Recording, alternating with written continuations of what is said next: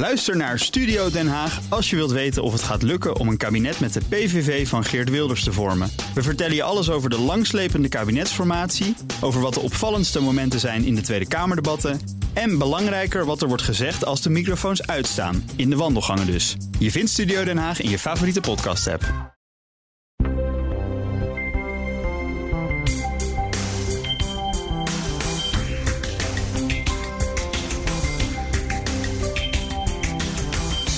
Makkelijk uit je woorden komen, moeiteloos kunnen spreken. Ja, de meeste van ons staan daar geen seconde bij stil. Dat is anders als je stottert. Nou, ik kan niet uit ervaring spreken, maar het lijkt me zo'n ondermijnend spraakgebrek. Nou is daar al best wel over bekend. Bijvoorbeeld over de rol van erfelijkheid bij stotteren. En daar gaat deze 18e aflevering van Woordwaarde ook over. Ik ben Maria Punch. Mijn gast is dokter Else IJsing, geneticus en onderzoeker bij het Max Planck Instituut. Hi Else. Hallo.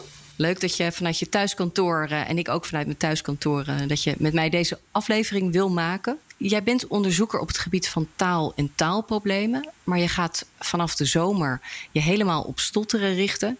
En dat kan uh, dankzij een uh, VENI-beurs. De NOW kent die toe. Ik denk dat je voor drie jaar onderzoek kan doen. Ik kan me voorstellen dat als je dan hoort dat je die beurs krijgt... dat er dan een, een flesje champagne wordt ontkurkt. Is dat ook zo? Nou, best wel, ja. Ja, dat is zo'n fantastisch bericht. Hoe krijg je dat eigenlijk? Uh, ja, in mijn geval was het een, uh, een e-mail die ik dan ook mm -hmm. drie keer heb doorgelezen om zeker ervan te zijn dat er echt stond dat ik de beurs had gekregen. Ja. Um, we gaan natuurlijk in dit gesprek uh, inzoomen op het onderzoek wat je de komende drie jaar gaat doen. maar eerst maar eens even, wat is stotteren? Want ik noemde het in de introductie een spraakgebrek. Is dat het ook? Ja, dat is echt het belangrijkste aspect van stotteren. En dat zijn hè, die bekende haperingen, de blokkades, de herhalingen van lettergrepen of klanken. Uh, ja. En daarachter zit vaak nog veel meer. Sommige mensen die stotteren, die maken ook uh, lichaamsbewegingen erbij. Bijvoorbeeld van het hoofd, van het gezicht of van het hele lichaam. Om dus die woorden eigenlijk ja, daaruit te duwen, als het ware. En ja, daarachter komt nog eigenlijk van alles bij wat je niet ziet en niet hoort. En dat Mhm. is, heeft vooral te maken met dat stotteren toch een groot effect heeft op uh, ja, eigenlijk de angst met spreken en op sociale interacties. En hoe werkt dat door? Is daar bijvoorbeeld ook onderzoek naar gedaan van wat voor effect dat dan heeft op iemands levensloop of carrière? Nou, er zijn verschillende onderzoeken die al hebben aangetoond dat het uiteindelijk zelfs een effect heeft op uh, iemands opleidingsniveau en werkniveau wat uh, bereikt kan worden. En is dat omdat je dan minder kan of omdat mensen denken dat je minder kan? Ja, het is ja, lastig te zeggen, maar wat, hoe ik dat zou interpreteren is dat ten eerste uh, houden mensen zich misschien toch een beetje in omdat ze stotteren. Maar uh, ten tweede worden mensen die stotteren ook vaak uh, ingeschat alsof ze minder kunnen, minder intelligent zijn. Ja, omdat we zo ja, verbaal zijn ingesteld. En eigenlijk de norm is dat je gewoon uit je woorden kan komen, dat je makkelijk praat. Ja, en onze samenleving is daar zo op ingesteld. Ja. Um, hoe vaak komt het voor eigenlijk, stotteren? Nou, stotteren komt voor bij ongeveer 5 tot 8 procent van de kinderen. En uiteindelijk stottert nog 1% van de volwassenen. Dus veel kinderen die komen er wel overheen. Uh, mm -hmm. Dus met therapie of ze groeien er overheen. Uh, maar uiteindelijk lang niet alle kinderen. Want dat is best een groot verschil. Dus je zegt 5 tot 8 procent van de kinderen. En dan van de volwassenen is het nog 1 procent. Ja. Als het, bijvoorbeeld in Nederland, als duidelijk wordt dat een kind stottert... komt er dan meteen, een, uh, komt er dan meteen hulp bij? Je kan sowieso direct contact opnemen met een logopedist of een stottertherapeut... En uh, wat ik heb ondertussen heb uh, begrepen van collega's die wel dus ook stottertherapie geven, is dat er vaak eerst een tijdje wordt afgewacht, omdat veel kinderen dus er al vanzelf overheen groeien. maar als het bijvoorbeeld ernstiger wordt of het duurt lang, dan wordt er begonnen met therapie. Oké. Okay. En vanaf welk, welk jaar heeft dat zin of is dat, slaat dat aan? Ja, dat is absoluut niet mijn expertise. Oké, okay. ja. Maar goed, het is gebruikelijk dat, hè, om het even aan te kijken. En als het dan niet uh, ja, overgaat, dan komt er, komt er hulp bij. Um, Is dit iets wat over de hele wereld voorkomt, stotteren? Ja, ja, zeker. Dus wat we in ieder geval op dit moment weten is dat op elke plek en in elke taal gestotterd wordt. En dus mhm. het is lastig inschatten of op elke plek ook evenveel wordt gestotterd. Maar dat komt vooral omdat in verschillende landen stotteren toch net iets anders wordt gedefinieerd. En er toch meer of minder onderzoek naar gedaan wordt. Ja. En hebben mensen dat ook altijd gedaan door de eeuwen heen? Is dit iets wat heel, heel lang bestaat? Stotteren. Ja. ja. Ja, zeker. Er is zelfs uh, de Nederlandse Vereniging voor uh, Mensen die Stotteren, heet Demosthenes, naar een oude Griek die uh, schijnt te hebben gestotterd. Oké.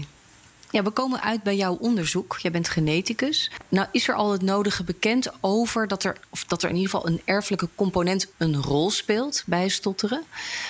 Wat weten we daar nu over? Ja, we weten inderdaad dat uh, de genetica een rol speelt bij stotteren. En dat weten we vooral door studies in tweelingen. Dus daarin is gezien dat één-eigen tweelingen vaker wel allebei of niet allebei stotteren. Uh, dan twee eigen tweelingen. En daaruit kunnen we dan het aandeel genetica in het stotteren uh, berekenen. En dat ligt ergens tussen de 40 en de 80 procent. Dus, en verder is er onderzoek gedaan naar grote families waarbij heel veel mensen stotteren. En daar zijn al een paar genen gevonden die mogelijk dat stotteren dan in die families uh, kan veroorzaken. Maar we mhm. weten ook dat voor de meeste mensen stotteren echt veroorzaakt wordt door een combinatie van heel veel verschillende stukjes DNA en ja, dat noemen wij dan omgevingsfactoren. Maar dat is alles wat je maar kan verzinnen wat niet in het DNA ligt. Kun je daar eens een voorbeeld van geven, van zo'n omgevingsfactor? ja, dat kan echt gaan van soort van de omgeving in de baarmoeder tot hoe uh, de omgeving bijvoorbeeld omgaat met het leren spreken. Uh, tot uh, grote, toch wel, ja, happenings, events in, in je kindertijd. Trauma bijvoorbeeld? Ja, ja, bij veel, ja, en het is lastig te zeggen of het echt oorzakelijk is, maar toch wel mhm. bij redelijk veel kinderen is er wel een bepaalde gebeurtenis geweest die dat stotteren echt heeft gestart. En is het natuurlijk lastig te zeggen of die kinderen anders niet op latere leeftijd ook zouden zijn gaan stotteren. Maar um, zoiets heeft er wel mee te maken, ja. Je gaat uh, je straks hè, de komende drie jaar um, uh, volledig op dat stotteren richten. Wat is jouw onderzoeksvraag? Wat ga je proberen boven tafel te halen? Ja, ik wil uh, meer stukken in het DNA vinden die dat stotteren voor, veroorzaken. En mhm. eigenlijk zodra we dat weten, dan kunnen we dat eigenlijk gebruiken als een, uh, ja, als een tool, als een methode om andere vragen te gaan beantwoorden. Dus bijvoorbeeld hebben studies al aangetoond dat er een overlap is met ADHD. Dat wordt vaker gezien in kinderen die stotteren. Maar nu is de vraag: hè, heeft dat ADHD, is dat misschien een veroorzaker van het stotteren? Of komt het gewoon sterker tot uiting in kinderen die stotteren? Dus dat soort vragen wil ik ook gaan oplossen. En hoe ga je te werk? Nou, wij zoeken op dit moment nog deelnemers voor ons onderzoek. Uh, zij kunnen naar onze website gaan, www.genetica-van-stotteren.nl. Daar kunnen ze een vragenlijst invullen en dan sturen ze per post een buisje op waarmee ze een speekselmonster kunnen afgeven. Nou, dat speekselmonster dat komt aan bij ons in het lab. Daar halen we dan het DNA uit. En dat sturen we dan naar een, uh, een ander bedrijf dat dat voor ons kan uitlezen. Nou, die gegevens krijg ik terug. En dat zijn heel veel gegevens per persoon. En daar ga ik dan mee aan de slag op de computer. Nou, vind ik DNA altijd. Uh, uh, blijft het voor mij als leek heel ongrijpbaar. Kun je iets meer uitleggen over hoe je. Hoe, ja, wat, wat jij dan kan zien of wat er uit die gegevens dan bijvoorbeeld naar boven komt, wat jou weer een aanwijzing geeft als onderzoeker? Ja, DNA is ook een verschrikkelijk abstract iets. En voor iets dat zo bepalend is, is het toch heel ongrijpbaar en onzichtbaar. Ja. Maar ik stel me DNA soms voor als uh, ja, echt een encyclopedie. Echt gevol met uh, wel 3 miljard letters. Dat is het aantal bazen in je DNA. Zo. Uh, en een klein deel van die letters, zo'n 1%, uh, dat bestaat uit hoofdstukken die elk de instructies bevatten voor het maken van een eiwit. Nou, die eiwitten die doen eigenlijk alles in ons lichaam. Uh, dat zijn bijvoorbeeld enzymen die ons eten verteren. Het zijn de eiwitten die samentrekken in onze spieren. Uh, er zijn ja, eiwitten die bijvoorbeeld de signalen in onze hersenen versturen. Um, en dus die hoofdstukken die bevatten die gegevens. Maar er zijn ook andere stukken tekst in het boek die instructies bevatten waar en wanneer die eiwitten gemaakt moeten worden. Nou, dus dit is een flinke encyclopedie vol, echt zo'n plankvullende serie, zeg maar. Ja. Um, en we weten dat op heel veel van die punten in het boekwerk uh, mensen verschillen. Er zijn echt miljoenen punten waarvan we al weten dat die verschillen tussen mensen. Ja, dus want we hebben allemaal een eigen, sowieso ook een eigen unieke DNA-pakket. Klopt dat? Ja, zeker. Ja. ja. Dus, maar ook een gemene delers. Ja, het grootste deel overlapt natuurlijk. Want ja, uh, ja dat maakt dat wij allemaal mensen zijn. Mm -hmm. uh, maar toch weten we echt miljoenen punten waarop we ook kunnen verschillen. Ja. Dus, en die hebben waarschijnlijk dan he, hele kleine effectjes op bijvoorbeeld uh, waar en wanneer of hoeveel zo'n eiwit gemaakt wordt. Nou, er zijn nog sommige verschillen die kunnen echt een eiwit ook stuk maken. En die hebben vaak dan een groter effect. Dus naar dat soort verschillen ben ik, ga ik op zoek naar um, als een oorzaak voor stotteren in uh, families, waarbij stotteren heel vaak voorkomt. En verder ga ik kijken naar die punten waarvan we al weten dat mensen heel vaak verschillen. Juist in hele groepen mensen die stotteren en grote groepen mensen die niet stotteren. En dan ga ik kijken voor die punten van welke komen nou misschien net iets vaker voor in mensen die stotteren of net iets minder vaak. Die hebben dan waarschijnlijk zo'n heel klein effectje op het ontstaan van stotteren. En daarvan zijn er waarschijnlijk echt duizenden te vinden. Ja, dus dat DNA-materiaal is natuurlijk uh, heel belangrijk voor jou. Is het denkbaar dat je dan uh, één kapot gen of één afwijkend gen gaat vinden? Dat er een soort Eureka-moment? Of is het, zal het veel complexer zijn? Het is mogelijk dat er hè, in een bepaalde familie echt één kapot gen het stotteren kan veroorzaken. Maar dat is waarschijnlijk heel schaars. En dat kapotte gen veroorzaakt dan het stotteren in die familie. En misschien nog wereldwijd in een paar andere families. Maar verder eigenlijk bij niemand. Okay. Uh, dus wat meer waarschijnlijk is, is dat we heel veel van die varianten gaan vinden die maar een heel klein effectje hebben. Dus maar de combinatie van die effecten kan dus wel die 40 tot 80 procent verklaren dat de genetica een rol speelt bij het ontstaan van stotteren. Ja, en stel dat je, die, uh, dat je zoveel aanwijzingen verzamelt, dat je zegt van maar nu hebben we, nu hebben we iets te pakken. Um, wat zou je met die kennis kunnen doen? Hoe zou je die kunnen toepassen? Nou, waar ik heel benieuwd naar ben, is als ik al zei, uh, is bijvoorbeeld dan kijk van zie ik overlap in de varianten die een, een rol spelen bij stotteren, met die bijvoorbeeld die een rol spelen bij ADHD. Uh, om zo te kijken van hè, is een rol van ADHD bij stotteren. En dit kan ik ook doen voor andere um, eigenschappen die een rol ja, die in verband zijn gebracht uh, bij stotteren, bijvoorbeeld uh, angstigheid of ook specifieke breinregio's die in MRI-studies gevonden zijn. Dus dat is één type vraag die ik wil gaan oplossen. En een mhm. tweede type vraag die ik wil gaan oplossen is eigenlijk bijvoorbeeld kijken: zie ik verschil tussen mensen die als volwassenen nog stotteren en kinderen die er uiteindelijk uh, vanaf komen. Zien we daar ook genetisch gezien een verschil in. Mhm. En als we dat soort verschillen vinden, dan hoop ik dat we in een verre toekomst dat zelfs misschien kunnen gaan proberen te gebruiken om te voorspellen of iemand um, nou ja, als volwassene nog steeds als stotteren en dus misschien op een andere manier therapie moet krijgen. Maar dan, hè, dan praten we echt over een hele verre toekomst hoor. Want uh, ja, voordat we zover zijn, dat is hartstikke lastig. Ja, en als jij zegt verre toekomst, ga, gaan jij en ik dat nog meemaken? Nou, dat hoop ik wel. Ja. Ja, oké. Okay. Hoogbejaard misschien, maar ja.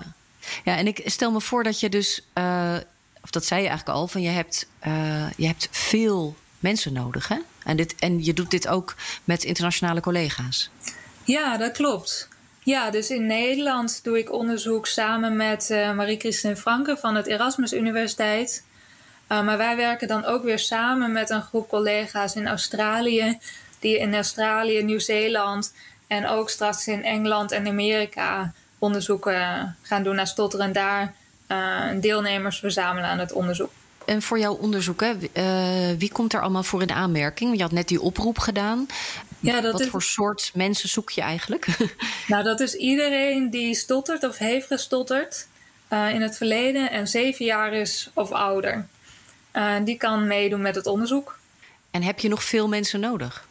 Uh, ja, zeker. Nou, ik ben echt heel trots dat we al meer dan 400 deelnemers hebben onder, op het moment. maar en ik heb liever nog honderden of misschien nog wel duizend deelnemers erbij. Oké, goed om te weten. Die mensen, vertelde je, uh, staan dan wangslijm af. Maar het onderzoek bestaat uit meer onderdelen. Klopt dat? Ja, nou, ze staan speeksel af, dus ze moeten spugen in een buitje. Uh, maar verder vullen ze ook nog een vragenlijst in. En dat gaat vooral over hun stotteren. En over bijvoorbeeld stotteren is in de familie. En wat voor therapie ze al gebruikt hebben. dus dat is voor ons om iets meer te leren over hun stottering. En daarnaast hebben we ook nog vrijwillig um, een spraakopname die ze kunnen maken en eventueel nog een extra vragenlijst. Uh, maar dat hoeft niet om met het genetisch onderzoek mee te doen.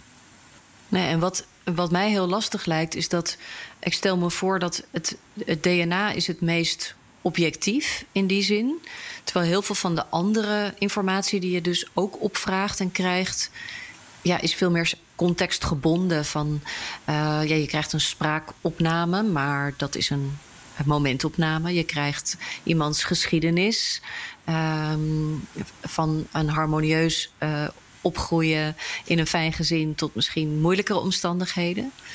Hoe leg je die allemaal naast elkaar? Nou, in de eerste plaats gaan we gewoon naast elkaar zetten dat hè, iemand zegt te stotteren en het DNA. En dat is echt de eerste vergelijking die we gaan maken, omdat dat eigenlijk al lastig genoeg is. Uh, en in de eerste instantie gaan we de spraakopnames gebruiken, omdat uh, wij straks natuurlijk de vraag krijgen van hè, die mensen die zeggen te stotteren, stotteren die eigenlijk wel?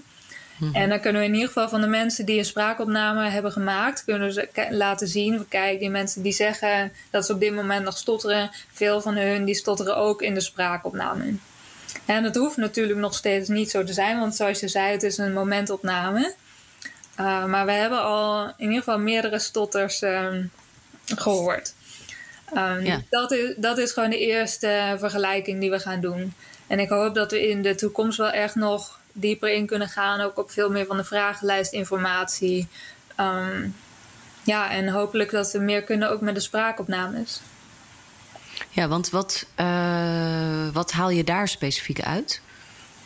Uit de spraakopnames? Mm uh, ja, zoals ik al zei, op dit moment vooral het feit of mensen stotteren. En nou ja, als een, een soort van bevestiging van, uh, hè, van hun gerapporteerde stottering. Mm -hmm. maar ja, er zijn allerlei analyses verder ook mogelijk. Um, dus wat ik op dit moment ja, in mijn gedachten heb, wat ik hoop te doen, is kijken of er echt verschillen zijn in hoe mensen al praten. Als ze bijvoorbeeld um, heel haastig praten en daardoor mogelijk stotterers maken. Um, en dat we op die moment, ja, manier toch ook uh, mensen die stotteren een beetje in kunnen delen. En of we daar dan weer genetische links mee zien. Mm -hmm. uh, maar dat is echt meer, uh, meer toekomstmuziek. Dus op dit moment gaan we echt vooral wat doen met uh, dat mensen zelf rapporteren dat ze stotteren en met de genetische gegevens. Ja, is het dan nog belangrijk dat je ouders en kinderen laat meedoen aan het onderzoek? Nou, op dit moment gaan we ehm, in sommige families, en dan bedoel ik uh, grotere families met veel mensen die stotteren, maar ook uh, kleine families van één kind en de ouders, waarbij het kind heel ernstig stottert en de ouders niet stotteren. Gaan we mhm. kijken of ik dus de defecte genen kan vinden die echt het stotteren volledig kunnen verklaren in die families. Ja. Dus in die gevallen vragen we de familie of, ook, uh, of de ouders alleen om ook mee te doen. Maar in de meeste gevallen gaat het gewoon om alleen de mensen die stotteren. Dus, Ja. En dan hè, kunnen wel mensen meedoen van alle leeftijden vanaf zeven jaar. Uh, maar die worden eigenlijk allemaal ge- gelijk behandeld. Ja. Nog heel even terug naar wat, jij, uh, wat je ook al eerder zei. Van, hè, de, de kans bestaat dat je misschien uh, ook veel dingen leert die met, uh, uit dit onderzoek die met zaken te maken hebben die aanverwant zijn aan stotteren. Um, maar stel dat je, dat je boven tafel krijgt uit dat genetische materiaal, uit dat onderzoek, um, hè, dat het zichtbaar is van hé, hey, hier heeft iemand zo duidelijk een gen of aanleg om te stotteren. En diegene zou bijvoorbeeld kinderen willen krijgen of krijgt een kind. Um, wat zou je dan met die kennis kunnen doen? Ja, dat er zien voor mij uit. Um, hè, is dat een heel goed punt om um, te gaan zorgen dat er genetische screening aangeboden gaat worden aan mensen die stotteren. Dus voor heel veel uh, aandoeningen kun je al in het ziekenhuis terecht voor genetisch onderzoek. En als ik echt een gen vind dat echt stotteren kan veroorzaken, uh, dan zouden we dat dus voor stotteren ook kunnen gaan doen. Uh, maar ik denk voor stotteren is het wel een keuze of mensen dat ook willen weten. Mm. Um, want ja, dan, ja, dan, dan ontstaan er zoveel weer andere vragen ook. En dus dat is altijd een beetje de vraag of mensen daar ja, geïnteresseerd in willen zijn of dat ze liever willen kijken wat er gebeurt. Ja. Um, maar ik denk dat als ze dan genetisch onderzoek laat doen in het ziekenhuis en er komt zo'n mutatie uit die het stotteren veroorzaakt, um, ja, dan zouden ze natuurlijk wel veel eerder bijvoorbeeld therapie kunnen krijgen voor hun kinderen. Um, ja, je zou je erop kunnen voorbereiden. Ja, zeker. Ja. Denk je dat stotteren ooit helemaal de wereld uit is? Nee, ik denk dat mensen altijd wel zullen stotteren, in ieder geval kinderen. Maar ik hoop wel dat hè, met meer onderzoek naar het stotteren, en dan bedoel ik niet eens alleen genetisch onderzoek, maar op allerlei andere manieren ook, uh, dat we misschien wel kunnen zorgen dat um, persistent stotteren, dus stotteren als volwassene, niet meer gebeurt. Omdat het um, dan nog zoveel ja, ingrijpender is dan als kind, bedoel je? Of? Nou, omdat, vooral omdat we dan um, toch eerder kunnen ingrijpen en ja, misschien toch op een andere manier of betere therapie kunnen aanbieden, waardoor het stotteren ja, wel te overwinnen is, zeg maar. Ja. Heb je er zelf ooit mee te maken gehad, of in je familie of vriendenkring? Uh, heel weinig. Ja, ik heb wel studiegenootjes gehad die stotteren, maar ja, verder, ja, verder eigenlijk niet. Maar ja, het is wel in ieder geval om te bestuderen ook een heel interessant iets. Omdat het nou ja, voor mij ook echt een inzichtje kan geven over um, hè, taal en spraak en hoe dat werkt. En ook, ja, ik ken ondertussen dus door mijn onderzoek heel veel mensen die stotteren. En als het toch hun of de, nou ja, de toekomstige mensen die stotteren een beetje kunnen helpen, dat zou wel fantastisch zijn. Dat zou het zeker zijn. Dankjewel voor dit gesprek, Else IJsing. Misschien luister je deze podcast tijdens het wandelen en dan ging de oproep van Else iets te snel. Je kan de informatie ook in de show notes terugvinden bij deze podcast. Ga ervoor naar bnr.nl slash podcast slash woordwaarde. Fijn dat je erbij was en tot de volgende.